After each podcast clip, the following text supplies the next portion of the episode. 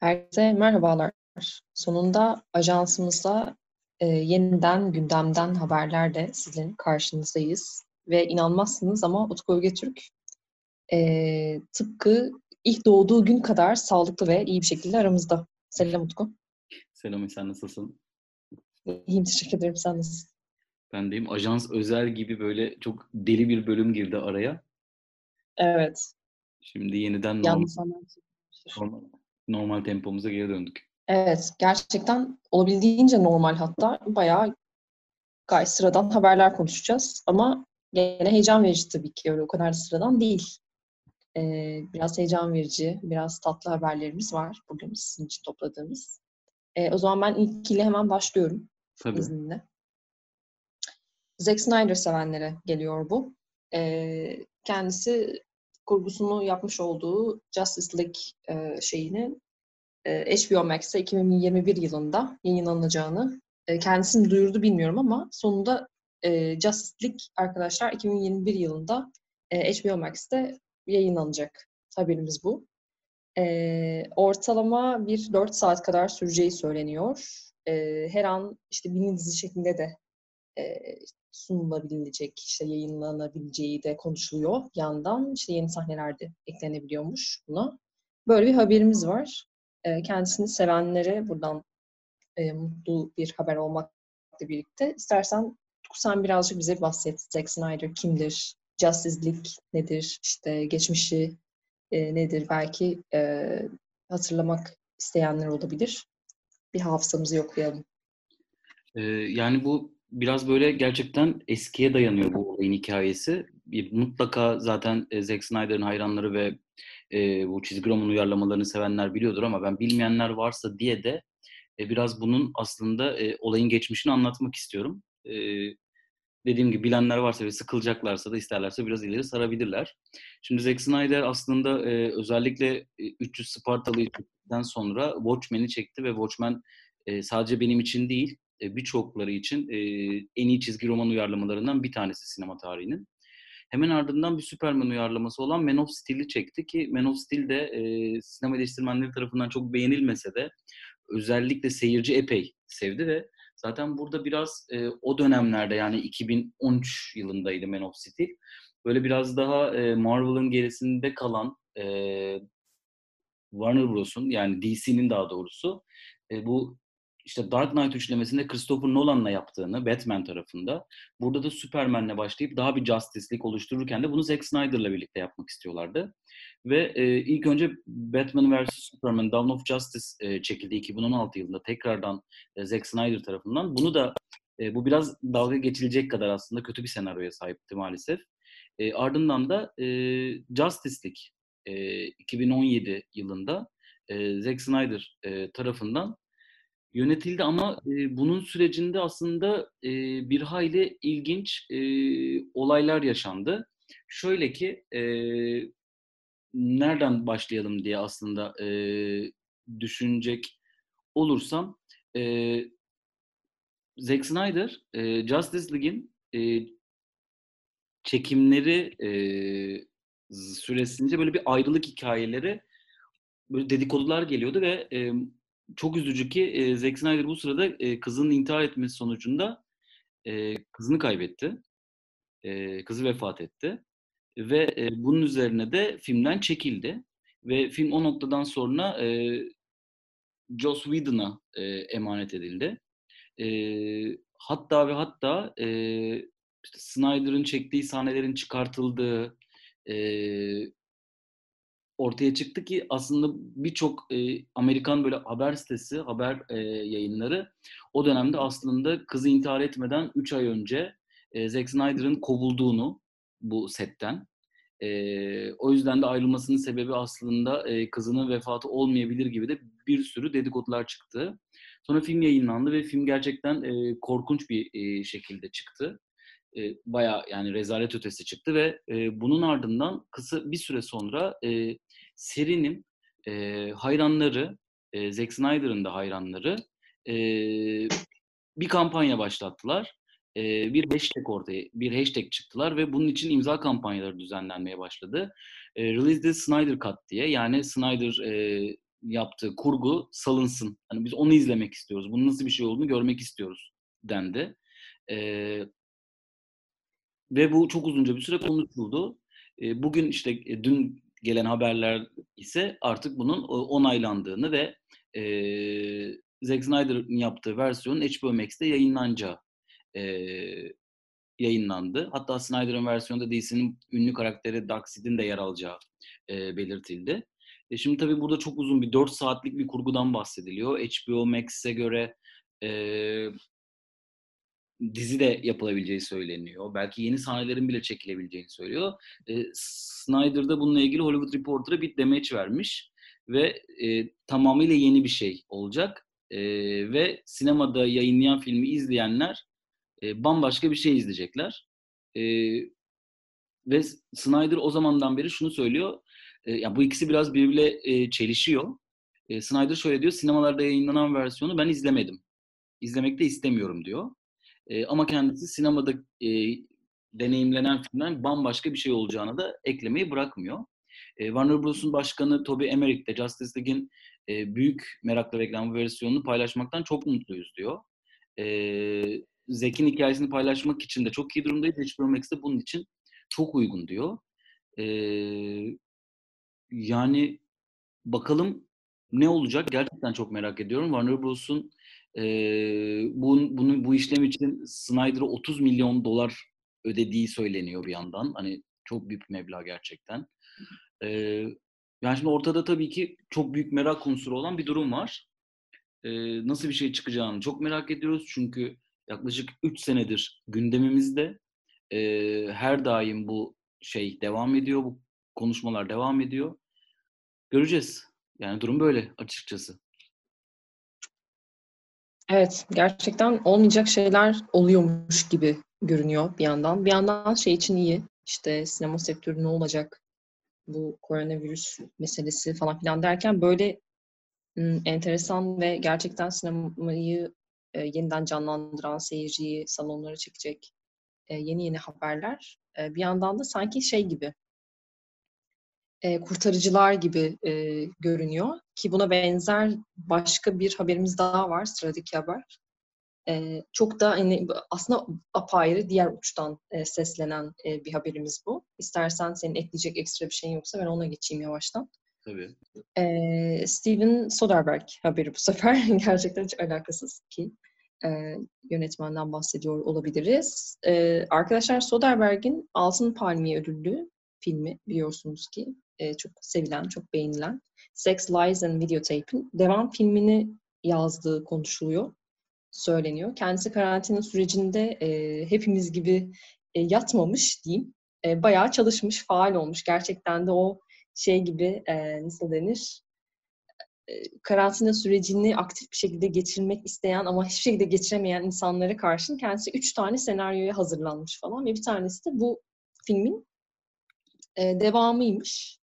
E, bir bakalım yani yakın zamanlarda işte bu karantinanın ilk 6-7 haftası içerisinde bir orijinal hikaye, bir roman uyarlaması, bir tanesi de yeniden yazım olmak üzere 3 tane senaryo yazdığını e, açıklamış ve orijinal hikayede filmin e, Sex, Lies and Videotape'in devam filmi olacağını söylemiş.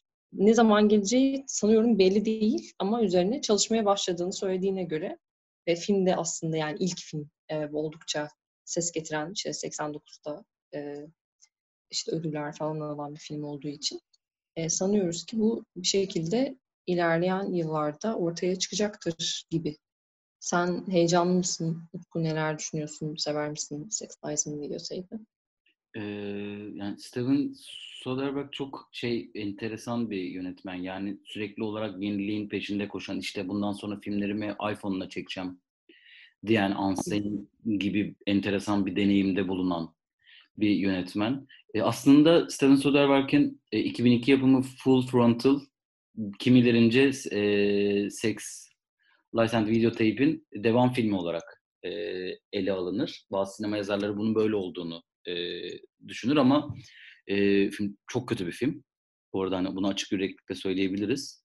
E, dediğim gibi yani bazıları böyle söyler, bazıları değildir der böyle bir şey vardır. E, tabii ki çok özel bir film.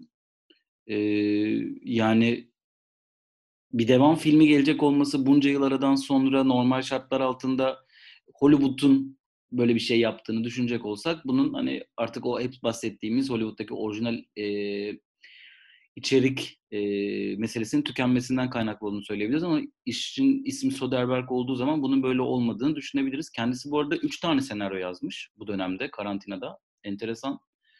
E, çok e, tabii ki önemli, kıymetli. E, yani izlemek için tabii ki sabırsızlanıyorum nasıl bir şey çıkacağını. E, çok sevdiğim bir filmdir benim de.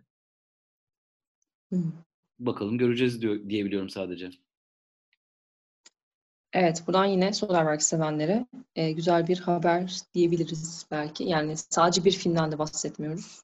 Bayağı faal geçirmiş kendisi. E, demek ki bir takım şeyler gelecek yakın zamanda diye umut ediyorum ve bir sonraki haberime geçiyorum. Bu bir sonraki haberimiz birazcık şey, e, üzücü mü demeliyim yoksa zaten beklenen bir şey oluyor gibi bir şey mi? Belki konuşulur ilerleyen aylarda.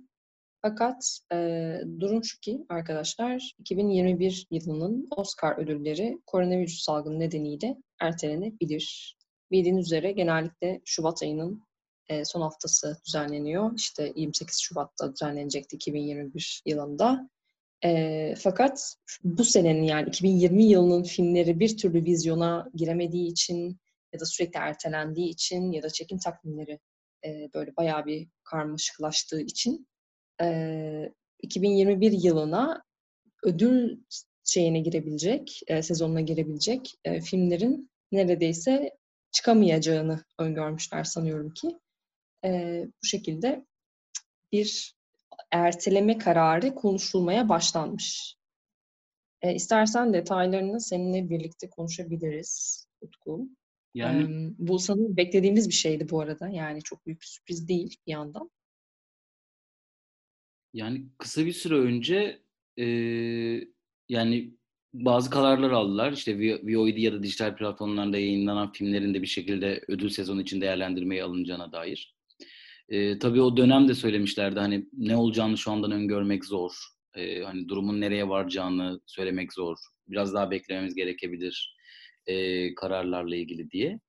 E, yani tabii ki işte böyle bir durum varken e, çok fazla da bununla ilgili yorum yapabilmek gerçekten zor. Fakat ben bunun nasıl bir ileri tarihe atılması durumunda bu durumun toparlanabileceğine dair bir düşüncem yok. Yani Şubat'tan attınız mesela Haziran'a ne kadar büyük değişiklikler olabilecek ki?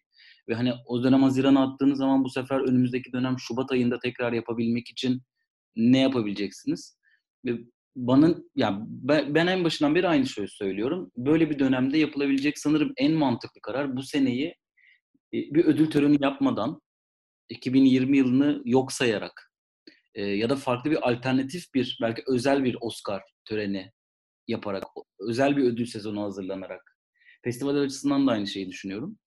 E, çünkü yani pek aklım almıyor. Şimdi hani filmler yok ve filmler olmadığı için böyle bir erteleme kararı alınırsa e, ve bu Haziran'a kaydırılırsa ya zaten filmlerin setleri ertelendi, prodüksiyonlar ertelendi. Yani öyle çok çabuk toparlan, toparlanacak bir şey değil. Yani filmler hep böyle bir sene bir sene ertelenecek şu an gibi bir durum var ortada. Yani bu birkaç ay içerisinde toparlanabilecek bir durum değil. Ee, yani bir yandan da bu sene aslında küçük filmlerin önünün açılabilme ihtimali var. Bence bu daha heyecanlı bir yarış. Daha Oscar'ın daha sempatik gelebileceği bir senesi olabileceğini dair de inancım var. Daha küçük filmlerin yarışacağı, daha belki daha önceden e, şans verilmeyen filmlerin yarışacağı böyle enteresan bir sezon da olabilir diye düşünüyorum.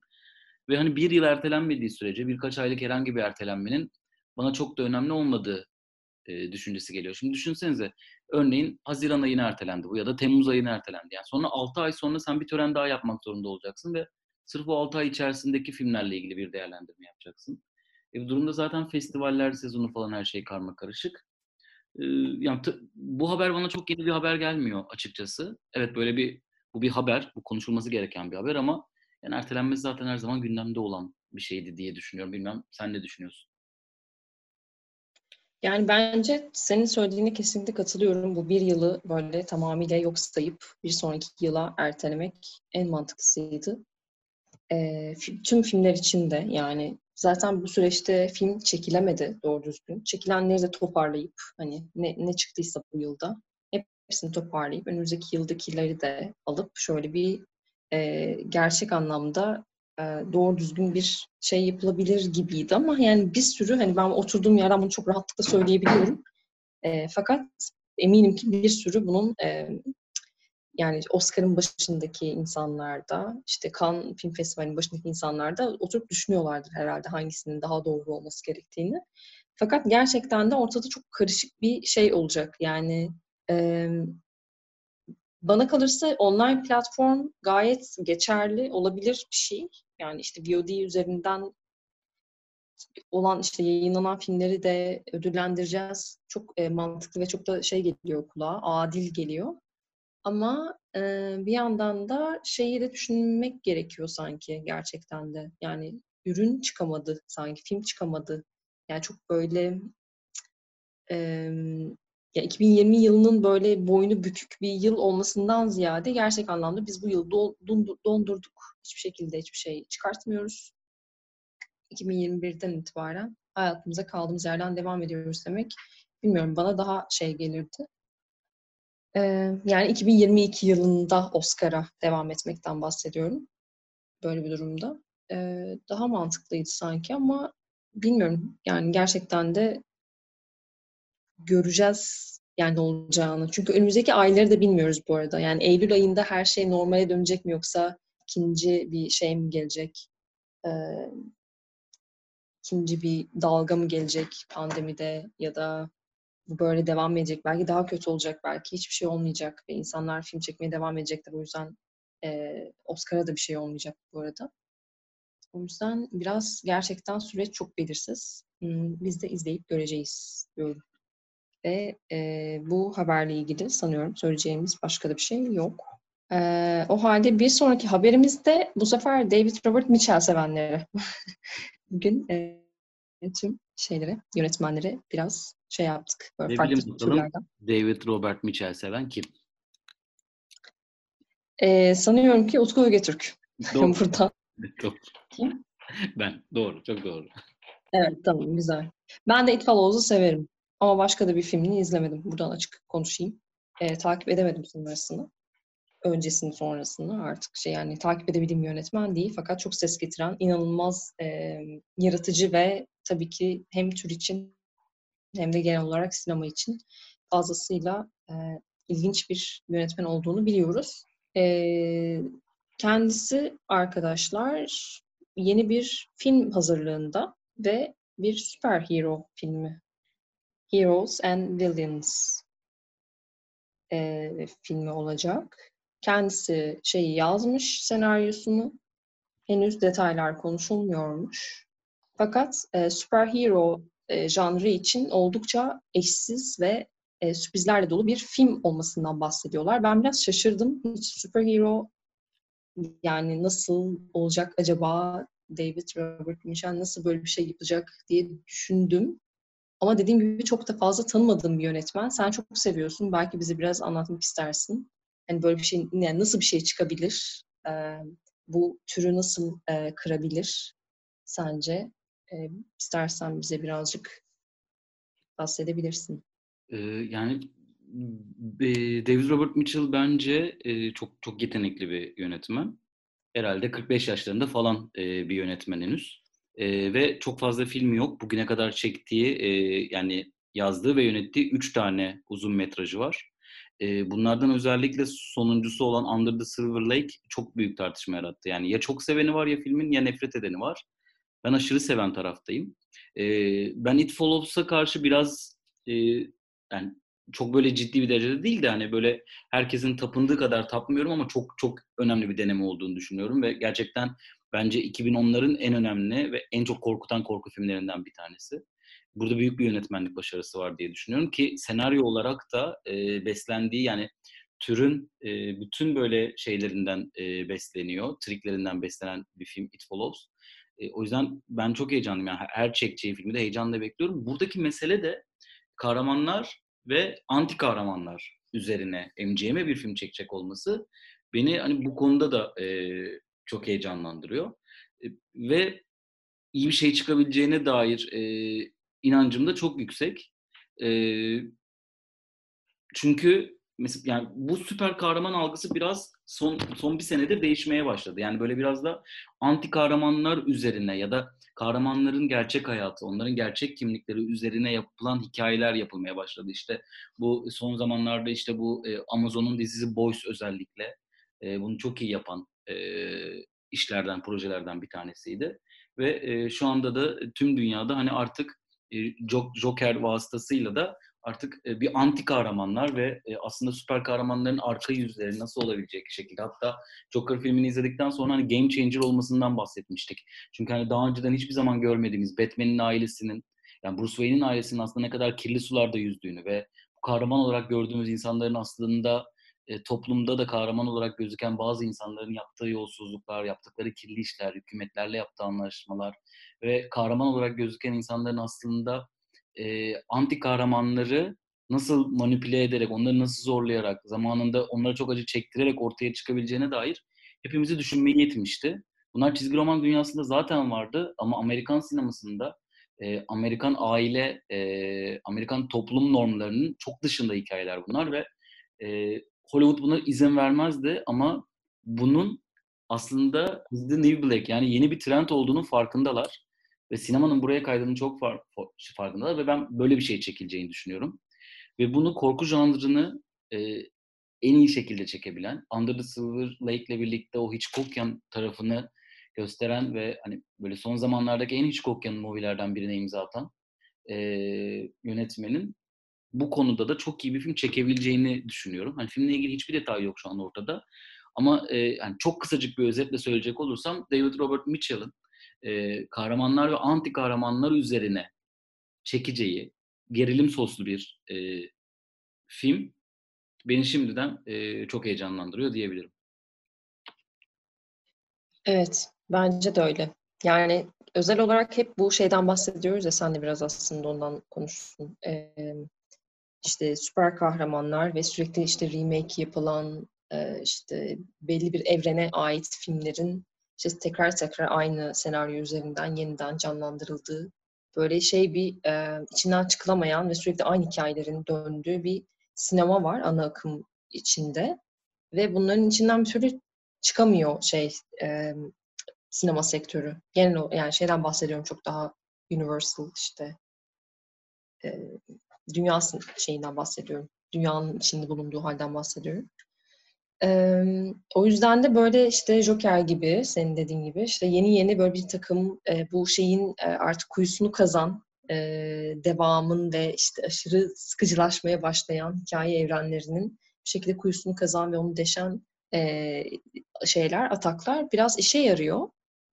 E, böylelikle işte yeni yeni yönetmenler e, farklı bir açıdan aslında kendi belki janrlarını, kendi türlerini, kendi sahiplendikleri sinemayı e, daha ana akımda az tartışılan şeylere yedirmeye başlıyorlar. Bu çok heyecan verici bir şey ve çok güzel bir şey.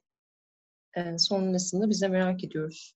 Benim yine yani bu geçtiğimiz birkaç haftadır böyle aa çok iyi fikirler bunlar ve işte ben bunu mutlaka izlerim. Daha öncesinde hiç bakmamıştım bu meseleye ama e, bu sinemayı da şekilde görmek lazım dediğim birkaç tane film olmuştu. Bu da bunlardan bir tanesi olacak mutlaka. Yani tamamen David Robert Mitchell'ın şeyi sayesinde. E, superhero filmlerini aşırı şey değilim, e, takip etmiyorum maalesef ama böyle şeylerle aslında birazcık kendisine çekmeye başlayacak o hikayelerde gibi görünüyor. E, o yüzden de mutluluk verici olduğunu düşünerek benim gibi düşünenler varsa e, mutlaka birkaç kendimize göre bir şeyler bulabiliriz gibi geliyor. Onun dışında tamamıyla superhero filmlerini çok seven, işte Marvel evrenini çok seven falan filan e, dinleyicilerimiz varsa onlar için de şöyle tatlı bir şey. Yani o dünyanızın biraz daha farklı yerlerden renkleneceğine dair aslında bu haberler. E, ki bu da herkes için sanıyorum kazanç demek. Win-win bir mesele. O yüzden her türlü iyi galiba gidişat. Bir şekilde sinema kendisini tabii ki dönüştürüyor. Ve iyi bir yere doğru gidiyor gibi görünüyor. E, umarız düşündüğümüz gibi olur. Diyeyim. İşte haberlerimiz bu kadardı bugünlük.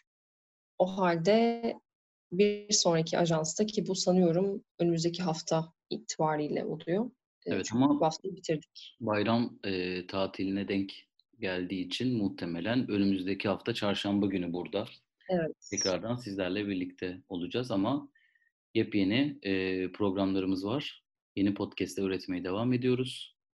E, sinem- sinemasal delilik öykülerinin e, Güvenç Demir'in yaptığı yanı sıra e, Seç Beğeninizle yine Murat Emirer'in e, ve Beste Bereket'in yaptığı var ve onun dışında bir sürpriz ilk kez söyleyeyim.